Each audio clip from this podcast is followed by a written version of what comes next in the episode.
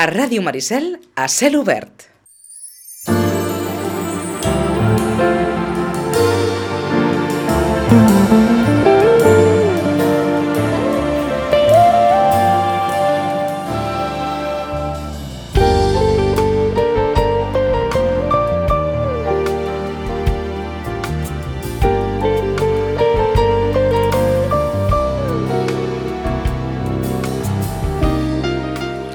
Deu i 11, Joaquim Millan, bon dia.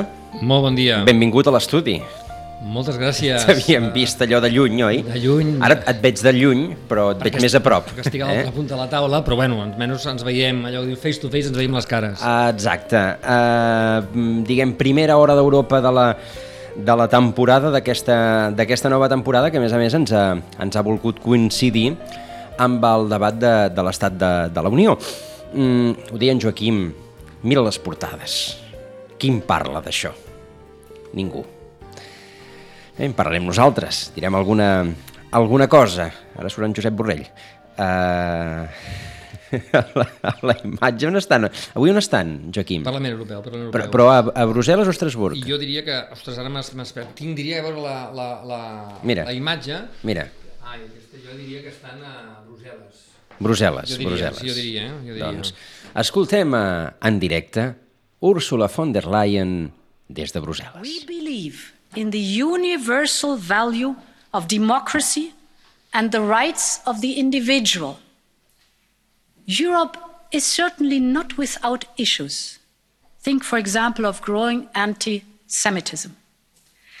But criticism and opposition, we discuss them here publicly. Criticism and opposition are not only accepted, but they are legally protected. There is an open debate about all these issues. So we must call out human rights abuses whenever and wherever they occur, be it on Hong Kong or be it with the Uyghurs. Doncs bé, drets humans, hem enganxat un moment, oi? Que... rights. Mira, ara, ara, ara l'aplaudeixen. Eh, Es veu bé, eh? Es veu bé aquesta transmissió i se sent, se sent perfecta. És des, de, uh, des del Parlament Europeu, des de la web del, del Parlament Europeu. Uh, el debat més important de l'any, Joaquim. Pues realment sí, almenys a nivell europeu, perquè també ens agafa doncs, amb un començament de temporada, malgrat hi han dos moments a l'any, que és el gener, però també sabem que després de el que diem les vacances, unes vacances aquest any també molt estranyes, però bueno, el mes de setembre també és un mes de reentrada no? Eh, a l'activitat econòmica una altra vegada a tope i per tant sapiguer, eh, i sempre s'ha fet aquest debat des de l'any eh, 2010, justament després del Tractat de Lisboa, es va instaurar aquest eh, debat on el president, aleshores i ara presidenta de la Comissió Europea, doncs eh, explicava quines eren les prioritats de l'any següent de la Comissió Europea i per tant es debatia amb el Parlament Europeu i amb els grups eh, polítics del Parlament Europeu, cosa que, bueno, que està molt bé, entre altres coses, perquè també posa sobre la taula doncs, eh, el moment que ens trobem, que tu deies, quin és el moment que ens trobem, quines són les prioritats de la Unió Europea, en aquest cas de la Comissió Europea, i especialment, possiblement, aquest any més important que els altres anys, perquè, evidentment, les prioritats s'hauran d'ajustar, s'han ajustat, s'hauran d'ajustar, i algunes s'hauran de modificar o canviar, perquè, evidentment, amb la Covid, doncs, eh, tenint en compte que encara això va eh, per uns quants mesos llarg, eh, per no dir tenim un any endavant complicat, molt complicat, doncs també la, la Unió Europea, doncs, evidentment, doncs, les seves eh, prioritats les ha de focalitzar en aquest, en aquest àmbit i en aquest tema. No? Doncs eh, saludem ràpidament el nostre eh, primer intervinent, que no deixa de ser un dels nostres intervinents habituals en aquest espai de l'Hora d'Europa. Saludem des de Lleida Albert Balada. Albert, bon dia. Hola, molt bon dia a tots dos. Esteu, esteu veient el, el discurs d'Ursula von der Leyen? Sí, sí, ara mateix l'estava escoltant fins que m'heu trucat vosaltres Uh -huh. i bé, de, de cep una mica, eh, te les he de sincer, no, no parlo des d'una perspectiva política, però sí des d'una perspectiva politològica. Um, eh, la part que jo he pogut escoltar, que era la referida als canvis tecnològics, després hi havia una, una petita referència al tema de la Covid, però en el tema dels canvis tecnològics eh, bé, eh, diguem que sabedor, absolutament de sabedor, perquè eh, tots sabem, o almenys diguem, el, els que ens vinculem als estudis de lo que la sociologia francesa en diu futurologia, eh, el, el, el, la, la cinquena revolució està aquí mateix. És dir, la desaparició del factor treball és, és evident, la Covid ho ha accelerat, eh, per tant, eh, no, no podem estar eh, parlant doncs, que només ens cal implementar eh, raons com les de la, la xarxa o, o els accessos a la xarxa o coses com aquestes, perquè diguem, hi ha alguna cosa més, no? Hi ha alguna cosa més, és a dir, l'aparició la, la, de l'empresa tecnològica, no de la tecnològica, eh, empreses, sinó de, de la tecnificació de les empreses del canvi. No? Per tant, a, aquesta, aquesta manera de veure-ho meva, no? que és pessimista, eh, perquè jo m'esperava una cosa més. Escoltava abans d'intervindre jo que el Joaquim deia són, és un any complicat, no? Eh, doncs home, un any complicat és quan s'esperen discursos potents, diríem, no? O com a mínim engrescadors. Eh, a mi l'estoneta que jo he escoltat no espero que com que això encara durarà pugui, pugui engrescar una mica més. Albert, eh, sí. ens, ens permetreu primera mm, que ens feu la matització o l'explicació que, que us sembli convenient sobre un concepte que heu utilitzat, la desaparició del factor treball. Sí, eh, el, el, el, el treball, el, el model de, de, de, diguem, de societat en el que nosaltres vivim, eh, pràcticament eh, neix amb, amb les revolucions industrials. O sigui, neix a partir de principis de... finals del, del segle XVIII, principis del XIX, no?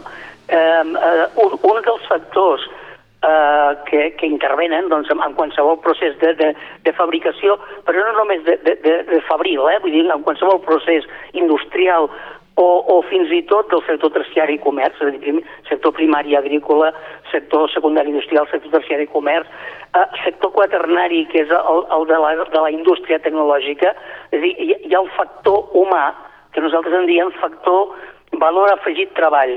El valor afegit és una disputa tradicional eh, eh, diguem, entre, entre diguem, el, els posicionaments diríem, liberals, els posicionaments, diríem, eh, socialdemòcrates, comunistes, en funció de, de, de a qui pertany aquest valor, si pertany a l'empresa o pertany al treballador, i per tant els beneficis que d'això se'n deriven doncs corresponen a uns o uns altres. Jo, jo vaig més enllà d'això, eh? Vull dir, dir, surto d'aquí i dic, bé, és que aquest factor treball que ha estat vigent eh, amb les disputes i els valors que representaven durant pràcticament dos segles, diríem, uh -huh. eh, desapareix però desapareix per una, per una, per una raó òbvia. Tots nosaltres eh, eh, entrem en un pàrquing, mirem una cosa tan senzilla, i ja no tenim aquella persona que ens dona el tiquet. Us hi fixeu com desapareix el factor treball? O sigui, entres en un dispositiu eh, que, ja, que ja llegeix segurament la matrícula i queda registrada i que et dona un tiquet. Eh, no fa tants anys que hi havia una persona allà amb una cabina que et donava un tiquet Uh -huh. Doncs uh -huh. això, ha passat, uh -huh. això ha passat amb, amb totes les feines, és a dir, el factor treball, el factor humà, tendeix a desaparèixer.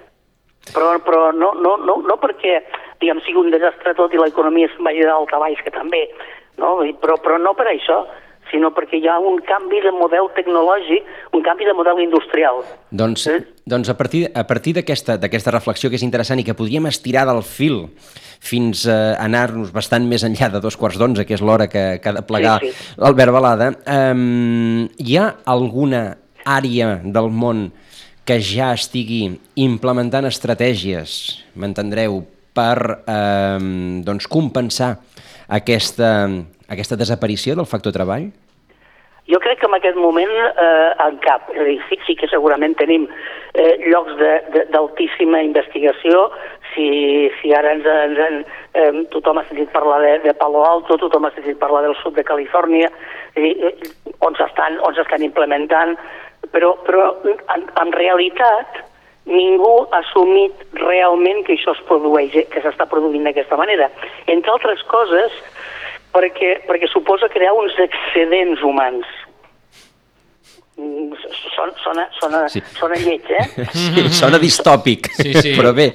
Sona lleig, però, però, però, però clar, crea, crea excedents i no sabem què fer-ne, perquè tampoc el, el model ha previst eh, que fem... Eh, ara el que us vaig a dir és una cosa que no és, no és absolutament novedosa, és que això ja ho havia previst Marx, Karl Marx ja ho havia previst, la societat de l'oci. Uh -huh. O sigui, arribarà un moment que la societat estarà tan industrialitzada, deia ell, i no ho deia el capital, eh, ho deia amb altres obres, eh, que arribarà un moment que tindrem la societat de l'oci. Bé, doncs nosaltres estem en aquest moment arribant amb això, eh, entre altres coses perquè aquesta tecnificació no necessitarà de tants, de tants humans.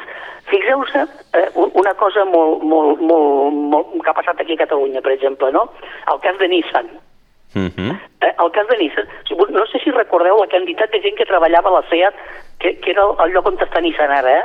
Uh -huh. La SEAT, la SEAT antiga, la, la, la SEAT que era, que era propietat de l'Estat. Uh -huh. Hem passat de centenars de mils de treballadors a, a, a desenes de milers a, i a zero, i a zero, que és, que és el que hi haurà a zero, que, perquè ja no cal.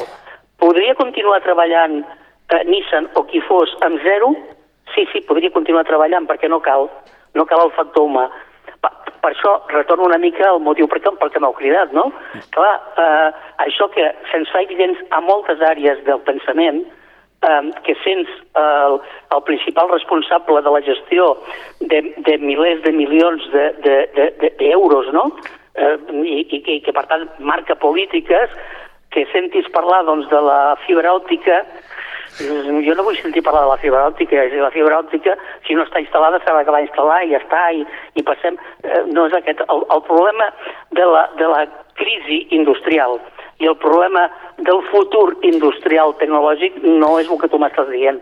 No serà, no serà, Albert, que eh, els polítics en el fons mm, continuen instal·lats en el seu curt termini de, de, de, les, de les legislatures i aquí ningú vol obrir el meló de, de què passarà, perquè evidentment aquest, aquest canvi que ens plantegeu probablement és un, és un canvi a, a mig llarg termini. I, i al final, doncs bé... Ho, ho... Sí, sí, eh, perdoneu-me, eh? però no no és a mig llarg termini, eh? és a curt. Ja. Les caigudes del producte interior brut les tenim aquí, eh? no, no, diu, és que és per la Covid, no home, no, si això ja venia d'abans, la, la mm. Covid, diguem, pam, dona, dona aquell, aquella volta de tort que ho tenim aquí, però sí teniu raó en una cosa, a, afrontar um, reformes, afrontar um, posicionaments, eh, quan, quan diem reformes, el concepte de reforma també està molt vaquejat, no? Uh mhm. -huh. Però diguem, afrontar canvis, afrontar realitats noves, a la política li fa molta por i si s'equivoquen, i si no en saben, i si el veí no ho fa i jo ho fa i, i provoco, eh? m'enteneu? Uh mhm. -huh. I fixeu-se, no, quan entràvem estava parlant de, la, eh, de, la, de, la, de les relacions amb la Unió Europea i Xina, el discurs estava donant, no? Eh, clar, eh, ens hem d'entendre amb Xina perquè és el nostre adversari, però clar, llavors val més que siguem aliats perquè si som adversaris i com que resulta que ells estan molt avançats, però, o sigui, un, un discurs, eh, diguem, absolutament de Primera Guerra Mundial no sé, eh, aquell, aquell model diplomàtic que tenien els antecedents de la Primera Guerra Mundial, ah, no estic, no estic vaticinant guerres, eh? Uh mhm. -huh. però vull dir, aquest discurs de, de, de home, som amics però som enemics, però, però no sé, però a més resulta que sóc soci comercial teu, però tu no ho ets perquè ets soci comercial dels altres, bueno, això és Primera Guerra Mundial.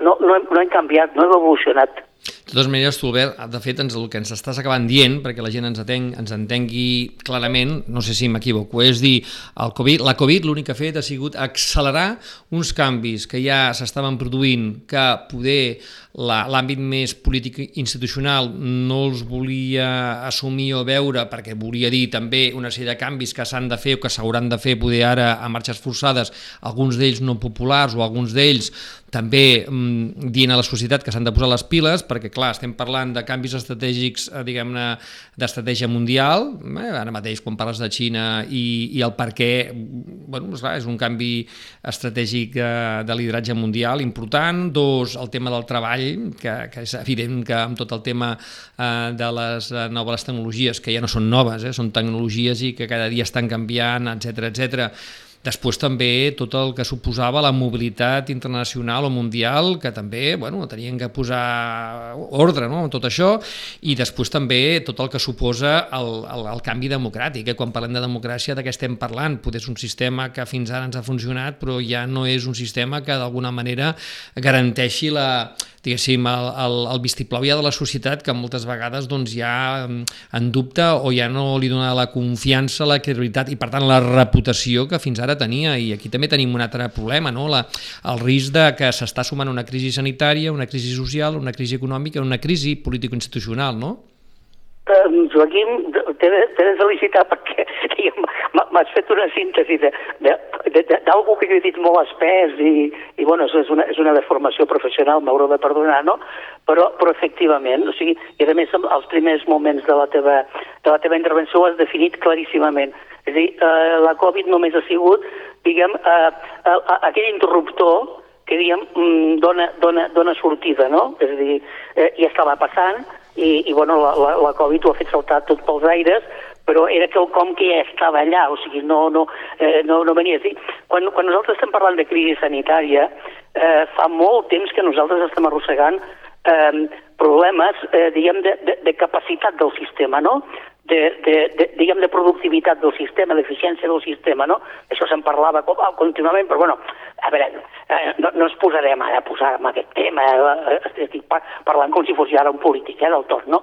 Aquest tema, doncs mira, anem, anem posant pegots i ja el solucionarem. Pam, arriba la Covid i resulta que les nostres UCIs no tenen prou capacitat, resulta que els nostres sistemes de detecció no tenen prou capacitat, que hem tardat, doncs, fixeu els mesos que hem tardat a poder fer PCR i, i encara de la manera i com se fan, no? Eh, o sigui, e, era quelcom que ja es venia arrossegant. El nostre sistema educatiu, no el sistema educatiu com a tal, és a dir, la, la formació als, als nostres joves, als nostres nens, sinó tot, tot el que és el sistema en si, no? Us hi heu fixat quin, quin desgavell? Eh, però, però portem sis mesos eh, que es podia haver previst, no? Aquest desgavell de l'accés a l'escola, a la universitat, tal, no? Per què? Perquè el sistema no està preparat. Ja ho, però ho sabíem, eh, que el sistema no està preparat ni per això ni per altres coses, no? Eh, escoltava rectors que quan els hi deies els hi preguntaven els periodistes, no? Però escolti'm, vol dir que això no haurien de començar a fer vostès les classes online i no sé què? No, perquè clar, les relacions humanes, però que no ens hem adonat compte que va d'una altra manera, tot plegat us hi fixeu, és, és el sistema el que, bueno, ja, ja anava bé, eh? ja, ja, no, no, no farem reformes a la universitat, no farem reformes a l'escola. A Espanya, a França, Gran Bretanya, als Estats Units, eh? Vull dir, no, no és una qüestió que només ens passi a nosaltres.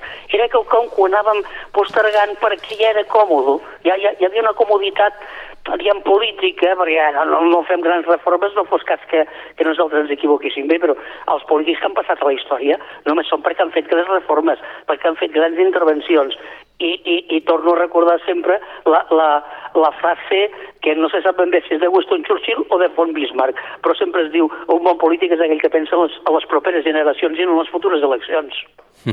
Sí, bona aquesta. És a dir que a, eh, a la pràctica la, la Covid ens ha posat de cara a la paret amb allò que havíem d'haver fet.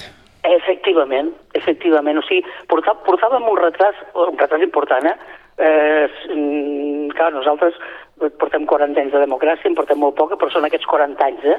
Aquests darrers 40 anys, doncs la cosa tenia que haver evolucionat, els, els darrers 20 encara, encara molt, molt més, però bé, escolta'm, ja, ja ho farem, perquè hi ha una, com una mena de mandra, no?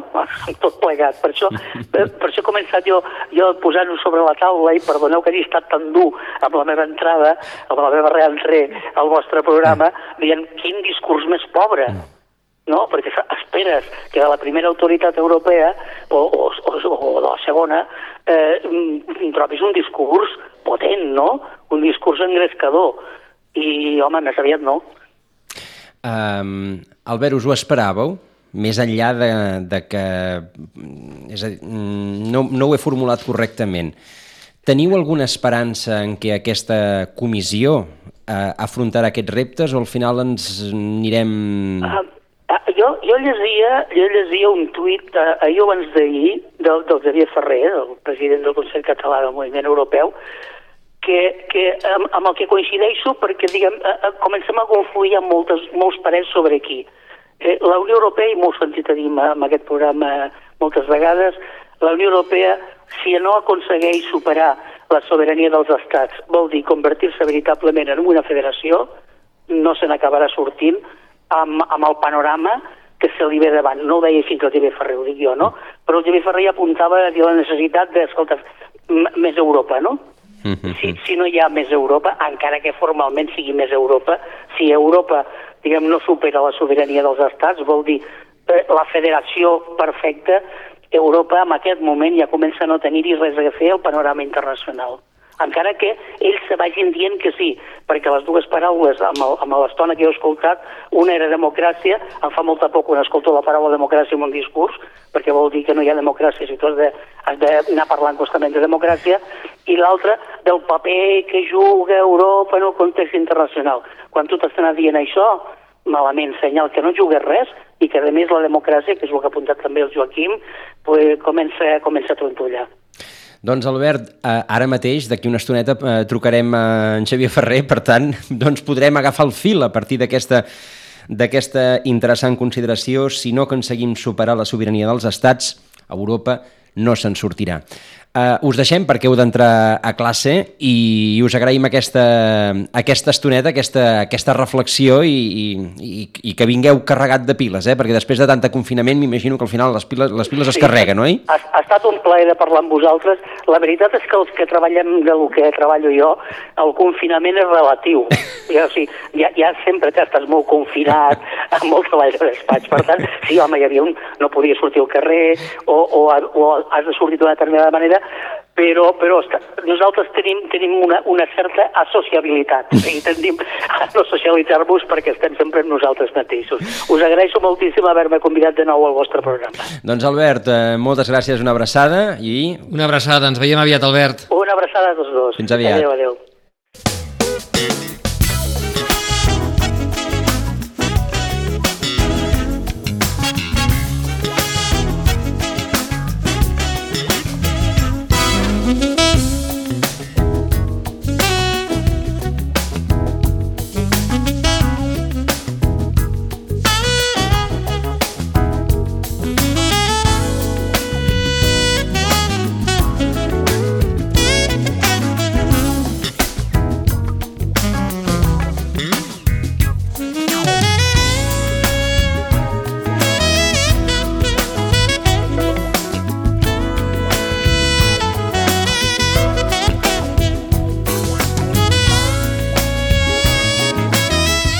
10 i 33 minuts. Eh, una realització bonica, eh? Estan fent des del Parlament Europeu amb una càmera d'aquestes que, que va volant per sobre els caps dels, dels eurodiputats i ells van guardant... Bueno, no hi deuen ser tots, perquè, clar, quants, quants n'hi ha, Joaquim, te'n recordes? Home, i tant, n'hi ha 705 ara. Doncs, clar, 705 no hi caben aquí dins i, per tant, doncs, no hi deuen ser tots. Escoltem, a veure, Úrsula. reminded The European visionaries decided that difference is not a threat. Difference is natural. Difference is the essence of humanity. End of quote. And these words are just as important today as they ever have been. Sembla que acabem, Joaquim, d'empalmar de, de, el discurs, perquè, clar, ara diu que la, que la diferència no és un, no és un risc i, i, que, i que això és human... Bé, bueno, no, no ha canviat de, de frame encara. No, de fet, haig de dir que uh, la, el to, jo estic d'acord amb el... Té un anglès el... bonic, eh, la sí, senyora von der Leyen. No, i a més a més, la veritat és que s'ha de dir que se l'entén perfectament, perquè a vegades, uh -huh. depèn de l'anglès, eh, dius, m'hi perdut, els, no? Els anglesos apresos és, són més fàcils d'entendre. Sí, exacte, exacte. no, no? som. Però bueno, també ell és molt germànic, evidentment, mm -hmm. i per tant ho fa molt ordenat i això també t'ajuda a fer un seguiment del que està dient, no? però és veritat que el to, al final, és un to que no engresca, és a dir, això estic d'acord amb l'Albert, també és veritat que ja l'he sentit diverses vegades a la Ursula von der Leyen i, i realment no, no, no, no empatitza massa, no? vull dir, per la seva manera de ser, poder tampoc necessitem algú que empatitzi, però clar, quan tu parles d'un lideratge poder també hi ha una part molt important és empatitzar amb la ciutadania, al cap i a la fi ets la presidenta d'un govern europeu, de la Comissió Europea, i per tant estaria bé que, que també no només s'adrecés als grups polítics, sinó s'adrecés també a la ciutadania i d'aquí poguéssim extreure que, bueno, que hi ha algunes idees que la gent les entén el, i que les engresca, saps? El problema dels càrrecs indirectes. Correcte, no? I a més que també hi ha una paraula que poder l'Albert no ha dit, però parlava... Mmm, ja no vull masses polítics prudents, necessitem poder polítics valents, no? I per tant la valentia en política, com que pot tindre un cost, la gent no, no, no, no està disposada a assumir-la i és evident que estem en una època on, de la mateixa manera que les empreses han de ser valentes i prendre decisions, algunes encertades, unes altres no, eh, doncs en política també. Uh -huh. Doncs eh, ara mateix acabo de veure un marcador, posa 70 minuts, porta 70 minuts la senyora von der Leyen, eh, 71.03 ara mateix, 71.03. sí, sí, perquè és que com va, va, sortint, va sortint el marcador, no sé si, si en Xavier Ferrer està seguint eh, el discurs de la presidenta de la, de la Comissió Europea. Saludem en aquest moment en el president del Consell Català del Moviment Europeu. Senyor Xavier Ferrer, bon dia. Bon dia. Que esteu seguint el discurs? Sí, sí. Sí? A veure, eh, una valoració, i ara empalmarem perquè és que eh, l'Albert Balada ens ha fet referència a una piulada seva, i aleshores dic, "Eh, empalmarem, empalmarem per aquí, però d'entrada, eh, primera valoració d'urgència de, de què us està semblant el que està dient la presidenta de la Comissió Europea. No, a veure, eh, aquests 70 minuts, que, que encara durarà una mica més, però eh, fa, està fent un repàs de, de tot el que ha fet la Unió Europea i de tot el que pot fer.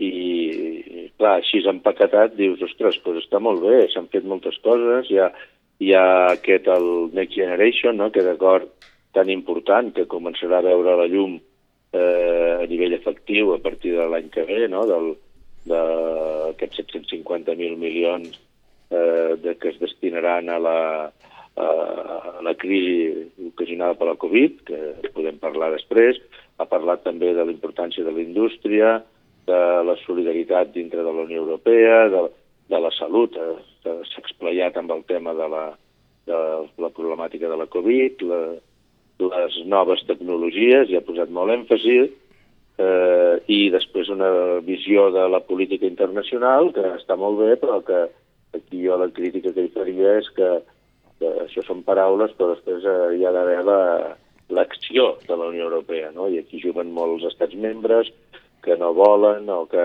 també volen ser presents, i, i després també ha parlat de, de sostenibilitat, de migració, en fi, una repassada eh, bastant general a lo, que, a lo que una mica ja coneixem, però ara si després hi ha debat amb els, amb els eurodiputats pot haver-hi més riquesa de tot el que ha exposat. Uh, Albert Balada, que amb el que hem conversat fins ara, li, li ha not- notat a faltar eh, doncs una, una certa mm, eh, aspiració a, a superar el model actual fins i tot a, a, nivell, a nivell productiu, a nivell econòmic, el, el futur del, del treball o el, o el canvi tecnològic que, davant del qual ens ha posat de cara a la Covid i, i, i, i que pràcticament ningú sembla que, que tingui una, una idea per, per sortir-se'n. Mm, noteu a faltar una certa ambició eh, en, el, en el discurs, com, com el nostre anterior contertulià?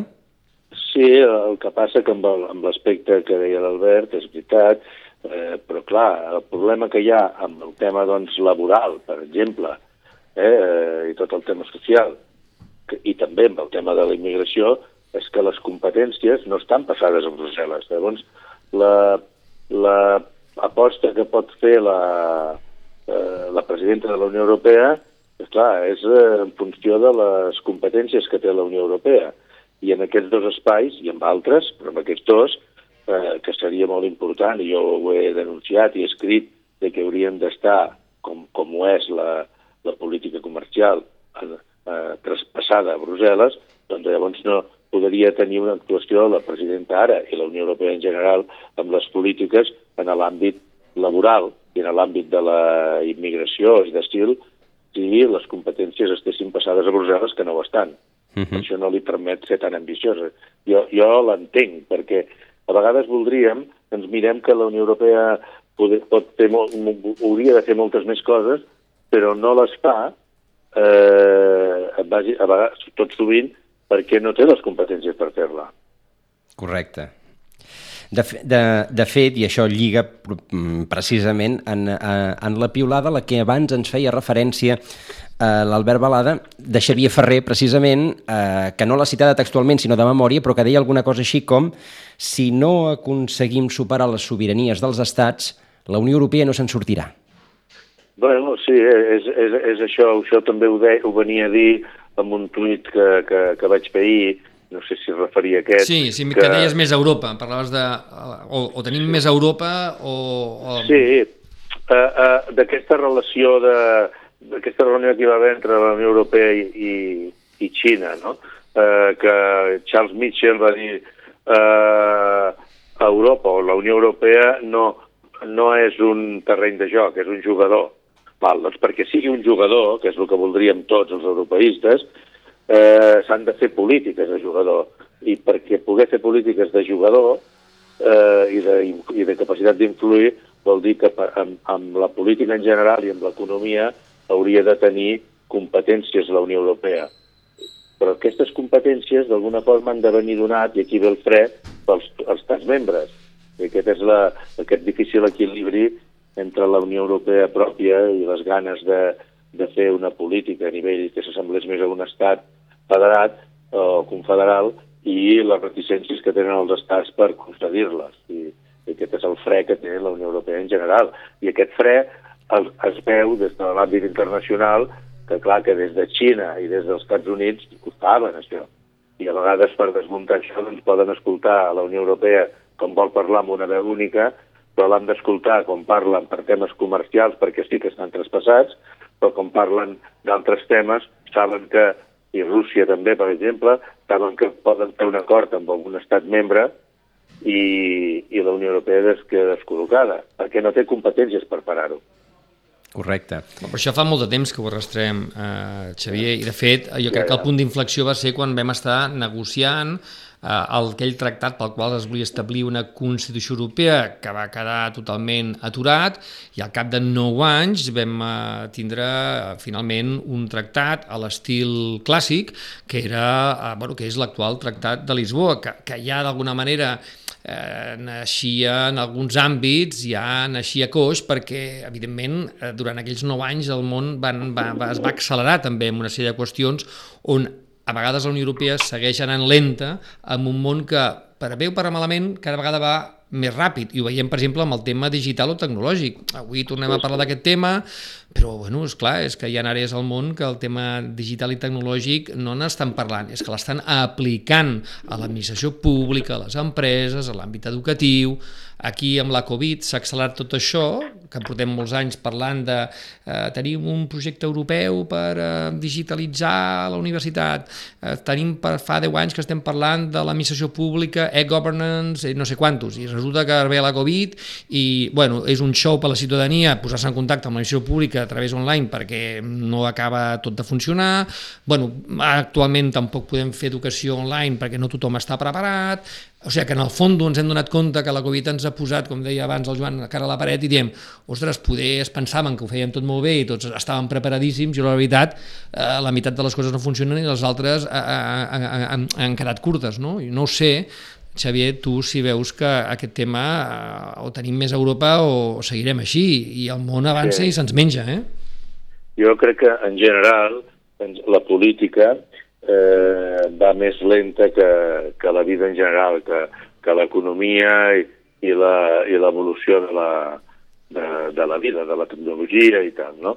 I podríem fer la comparació històrica de, de l'Església, no? que sempre va al darrere de la societat. Doncs eh, ara també li passa a la política. I, per exemple, en l'àmbit de, de, la, de, de lo que hem dit, no? de, de lo que comentaves tu, de les tecnologies, o, o en l'àmbit de la sostenibilitat del planeta, o en l'àmbit de la política internacional i de l'economia, eh, sobrepassa la, la, la idea d'un estat clàssic. I si aquests estats clàssics que segles abans havien dominat el món, parlo dels europeus, no saben transformar-se ràpidament eh, ja ho estan fent lentament amb el que és la Unió Europea, no? Pues hi ha moments que s'ha de fer salts qualitatius perquè si no la pròpia dinàmica eh, se t'emporta i aquí ve aquesta disfunció d'alguns de, dels estats que són massa grans per gestionar la, les polítiques de proximitat del ciutadà, com pot ser eh, el benestar propi del ciutadà i, i el que seria l'educació i la salut, i, i en canvi són massa petits per gestionar els grans reptes del planeta que ja són globals, com és l'economia digitalitzada o la sostenibilitat o la, la política internacional en general. No serà, no serà que els, eh, que els grans estats europeus són una mica captius de la seva pròpia història, en el fons, I tant. eh, i, No, i, no, i per tant doncs és molt difícil renunciar, eh, digue-li un francès que renunciï a sobirania, oi? Sí, sí, això recordo jo quan, quan es- estudiava un professor, bueno, que, que recordo, jo crec que era el Joan Tugores, que, va, que parla, parlaven de la Unió Europea, no? i ens venia a dir, ja sabran els estats, eh, els estats de la Unió Europea, què és ser una comunitat autònoma. Doncs aquest passar de ser un estat independent a cada vegada menys, eh, convertir-se en el que és una comunitat autònoma, és molt dur per un estat perquè, perquè clar, què fas amb els reis, des, què fas amb el president de la República, què fas de França, què fas... Eh? Això és el que, vi, el, que, el que veiem, el que visualitzem, però darrere de tot això hi ha tot un entramat eh, a cada un dels estats que no, no es deixarà anar d'un dia per l'altre. Per això, i a partir, i a partir d'aquí, mm, o hi ha una crisi mm, transcendental importantíssima, però per un sistema d'evolució és com complexa pensar que, que això pugui arribar a passar. O ser més generós i apostar clarament ja per una Unió Europea eh, però que hi tingui cabuda tothom, els estats i les entitats que no són estats però que ho volen ser. Eh, no una Unió Europea amb un estat com ara Alemanya, que és tan poderós i que és el 25%, que també hi ha Malta, que són 300.000 i que té, no arriba ni el 0,5 del PIB europeu, no? Eh, sinó una cosa més, eh, diguem, mm, lògica, no? Que hi càpiguen els grans i els petits, sí. i que alguns dels grans també sàpiguen descentralitzar-se. Ja no vull dir que deixin de ser-ho, eh? sinó que hi hagi una... una que, diguem-ho així, que ja sé que és una mica utòpic, però que tothom s'hi senti còmode en aquesta Unió Europea, que tingués capacitat, bàsicament, d'acció política i de gestió de l'economia, i, òbviament, dels grans temes. Els grans temes de la sostenibilitat del planeta i de, i de les noves tecnologies. Aquesta legislatura europea, que, que va començar ja una mica torta, que després es va trobar amb la crisi de la Covid i que avui fa el primer balanç, eh, serà probablement la, la clau de volta per saber si o hi ha Europa o no n'hi ha? És que jo crec que no hi ha alternativa, hi ha d'haver Europa. I això no és que ho vulguin els estats, o el Macron, o el Pedro Sánchez, o, o la, el mandatari d'allà on sigui, sinó és que els hi demanden, els hi demana eh, els poders econòmics i els poders, o sigui, de què s'ha d'anar cap a una, una Unió Europea amb, capa, amb capacitat d'acció en el món.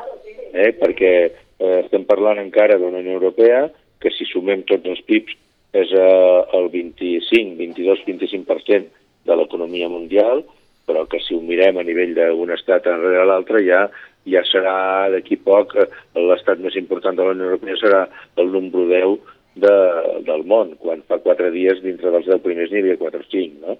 Mm -hmm. Quatre dies, vull dir, fa alguns anys. Per tant, jo crec que encara que costi en, en el que és el mecanisme intern, la pròpia dinàmica del món els portarà a, a, la, a, a apostar per la Unió Europea, eh, no per voluntat pròpia, sinó per necessitat. I si no anem per aquí, anirem molt malament. Eh?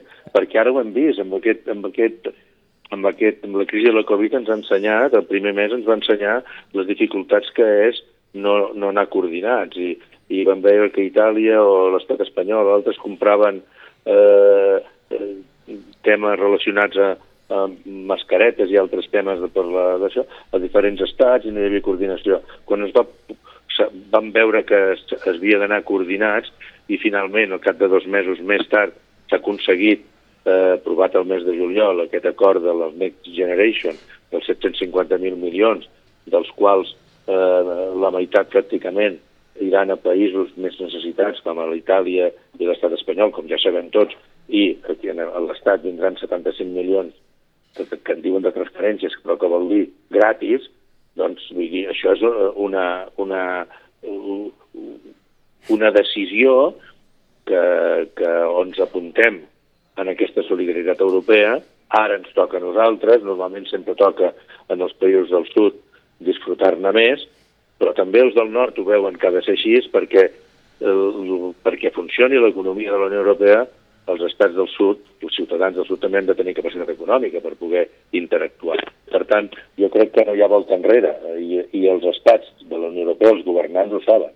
El tema és si sabran fer-ho o lo ràpid que, que hauria de ser, perquè, clar, afecta el moll de l'os de la sobirania dels estats i de l'estructura dels estats. Eh? Uh -huh. L'estructura de tot tipus, no? interna.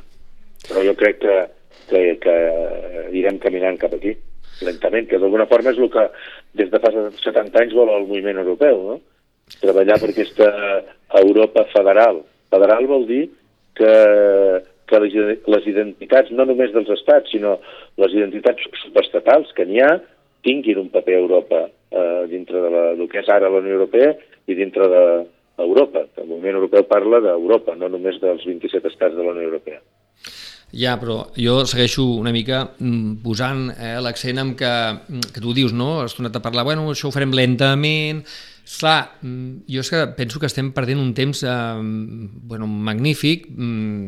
Europa segurament va molt segura, però va molt més lenta del que seria necessari, perquè els fets dels últims 20 eh, anys eh, així ho demostren. És a dir, quan parlàvem de l'estratègia 2020, eh, ens vam fer un fart de parlar de l'estratègia 2020 i ja ningú en parla perquè ha arribat el 2020 i del que vam dir poca cosa més, però és que a més el món en aquests últims 10 anys ha canviat moltíssim i per tant, eh, vull dir, estem canviant d'estratègies que poder ja no les podem fer 10 anys perquè realment les coses eh, van molt més ràpides. Això ja ho veiem els últims 20 anys, que tot va molt més ràpid que aquestes macroestratègies eh, a 10, 15 i 20 anys, que així donava temps als estats, que la poguessin assumir, llavors aquesta maquinària que tu dius, que bueno, ens assegura que tothom estigui més o menys content, mm, crec que, que això al final tampoc és així, però és clar, és que ara ens trobem amb, eh, que clar, ens estan passant per la dreta per l'esquerra i, i, i cada vegada tenim un paper eh, no tan eh, protagonista en el que diem, tant en l'àmbit econòmic, tant en l'àmbit polític, tant en l'àmbit eh, socioestratègic i ara també en l'àmbit digital a nivell mundial.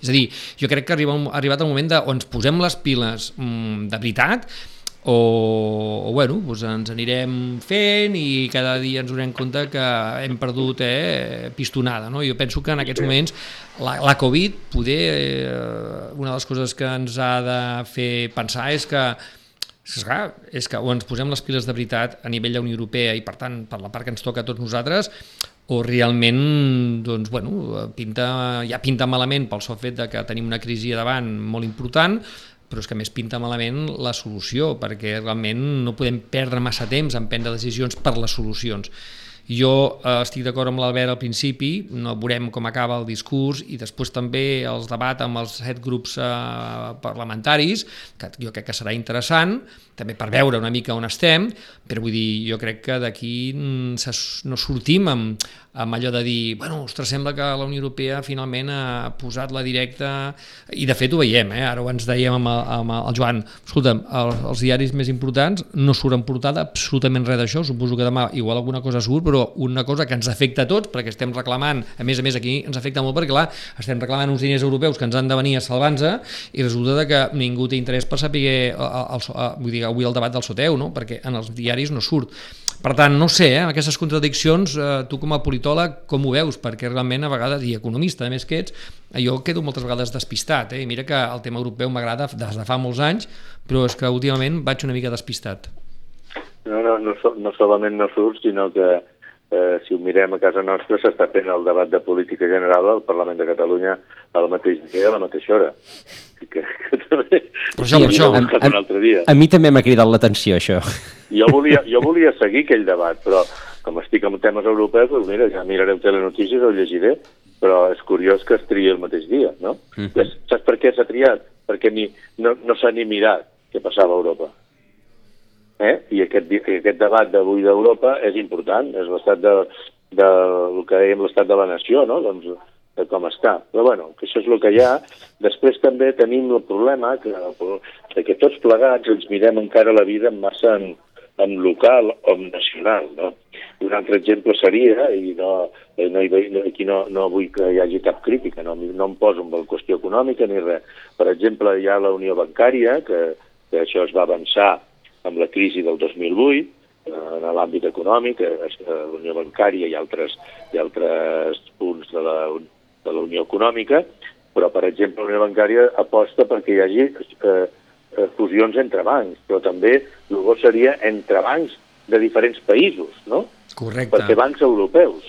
I la tendència ja no només aquí, sinó eh, és fer ba grans bancs a cada país o cada estat. I, I així no pas una Unió Europea, diguem, transversal. Però, bueno, és la realitat. Hem de pensar que portem molts i molts anys, els estats cada un, que havien sigut abans, s'havien enfrontat entre ells, i aquestes dinàmiques costa molt canviar-les. I com que, a més a més, i això és un avantatge important respecte a altres zones del planeta, tots aquests canvis es fan parlant i en pau, en diàleg, i un diàleg entre 27 sovint és molt complicat. I, per tant, eh, doncs, eh, hem de tenir aquesta paciència que a vegades la dinàmica del món no ens permet, perquè va més de pressa, com, com deia el Quim, i és veritat, eh, que, que, la, que la, la, la política en general i molt més, i més, molt més que la política europea, que es basa en el consens del, el consens dels 27.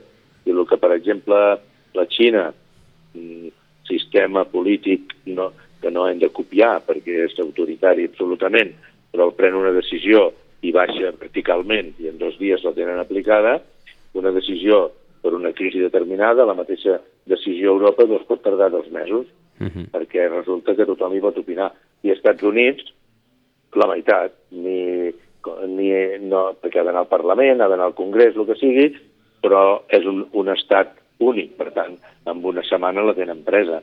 Aquesta és la realitat, eh, i la podem canviar, sí, però també jo crec que aquí té un paper important i, i no aconseguim implicar-ho, és la ciutadania. Si la ciutadania apreta, els polítics també es mouen i actuen. I per temes europeus, que a vegades són prou importants, doncs costa molt moure'ns. I això ho sap el Quim, que, que estem aquí amb activitats de, europees i costa molt que, que la societat les percebi properes. I te, tenim aquesta tendència a trobar proper lo, lo local i lo nacional. És el problema Esperem que vagi canviant. El problema també de les representacions indirectes, que en aquest cas doncs, fa que mm, el, el, clar, els, euro, els eurodiputats encara són escollits directament, però clar, la comissió, senyora von der Leyen, ens la veiem lluny, lluny, lluny. Sí, sí. I això... I a més, i a més a més fem que un govern, que en teoria, el govern que és la Comissió Europea, que això està previst en els tractats, eh, però encara no s'ha aconseguit fer-ho, de que puguin, pugui agafar ella, o, el president, els 18 o 20 eh, eh, comissaris que volgués, diguem els més bons, dintre del que és la, la Unió Europea, i encara estan en què un per país. Sí, ja en, va, ja en vam parlar d'això eh, ja, abans de l'estiu. Bueno, Bé, però a veure, eh, hem de tenir en compte que resulta que amb aquests 60 i tants anys d'existència de, del que és la Unió Europea, sota el paraigües de la Unió Europea, no a Europa, perquè sí que n'hi ha hagut, sota el paraigües de la Unió Europea no hi ha hagut, diguem, guerres o conflictes greus. Mm, doncs, bueno, això ja és un avantatge. Quan tres anys enrere ens barallàvem, no?, tots mm -hmm. els estats. Això és un consol, no, però és una realitat. Per tant, l'eina la tenim, l'eina és la Unió Europea. El que falta és donar-li aquest impuls d'anar-se adaptant a, a la dinàmica del món, que, com deia el Quim, cada vegada va més ràpida. Però això crec que, que no serà per voluntat pròpia, sinó per necessitat que, haurem de fer salts qualitatius importants. Segurament, segurament serà així. El debat continua, ja ja porten tres portaveus, és a dir, que ja fa una estoneta que la senyora von der Leyen ja, eh, ja ha acabat. Nosaltres hem arribat a les 11 i per tant ho hem de, ho hem de deixar aquí. No hem parlat del que serà doncs, clar, el gran pla de futur, aquest, aquest futur verd d'Europa i aquest pla del 2030 i, i, i tot això, però és que com a mínim ens han quedat aquestes eh, reflexions de, de profunditat. Xavier Ferrer, moltíssimes gràcies per haver-nos acompanyat aquesta estoneta. Molt bé. Ens veiem veiem aviat, Xavier. Gràcies per estar amb nosaltres avui. Que vagi, que vagi bé, adéu-siau. I, Xavier, doncs, eh, una vegada més, ben retrobat a l'estudi, esperem que puguis continuar venint, i això vol dir que no ens han tancat a casa. I tant, eh? que si ens veiem el mes que ve amb més Europa. Amb més Europa. I mentre, doncs, continua aquest debat, a veure si demà els diaris en diuen alguna cosa. Moltes gràcies i fins demà.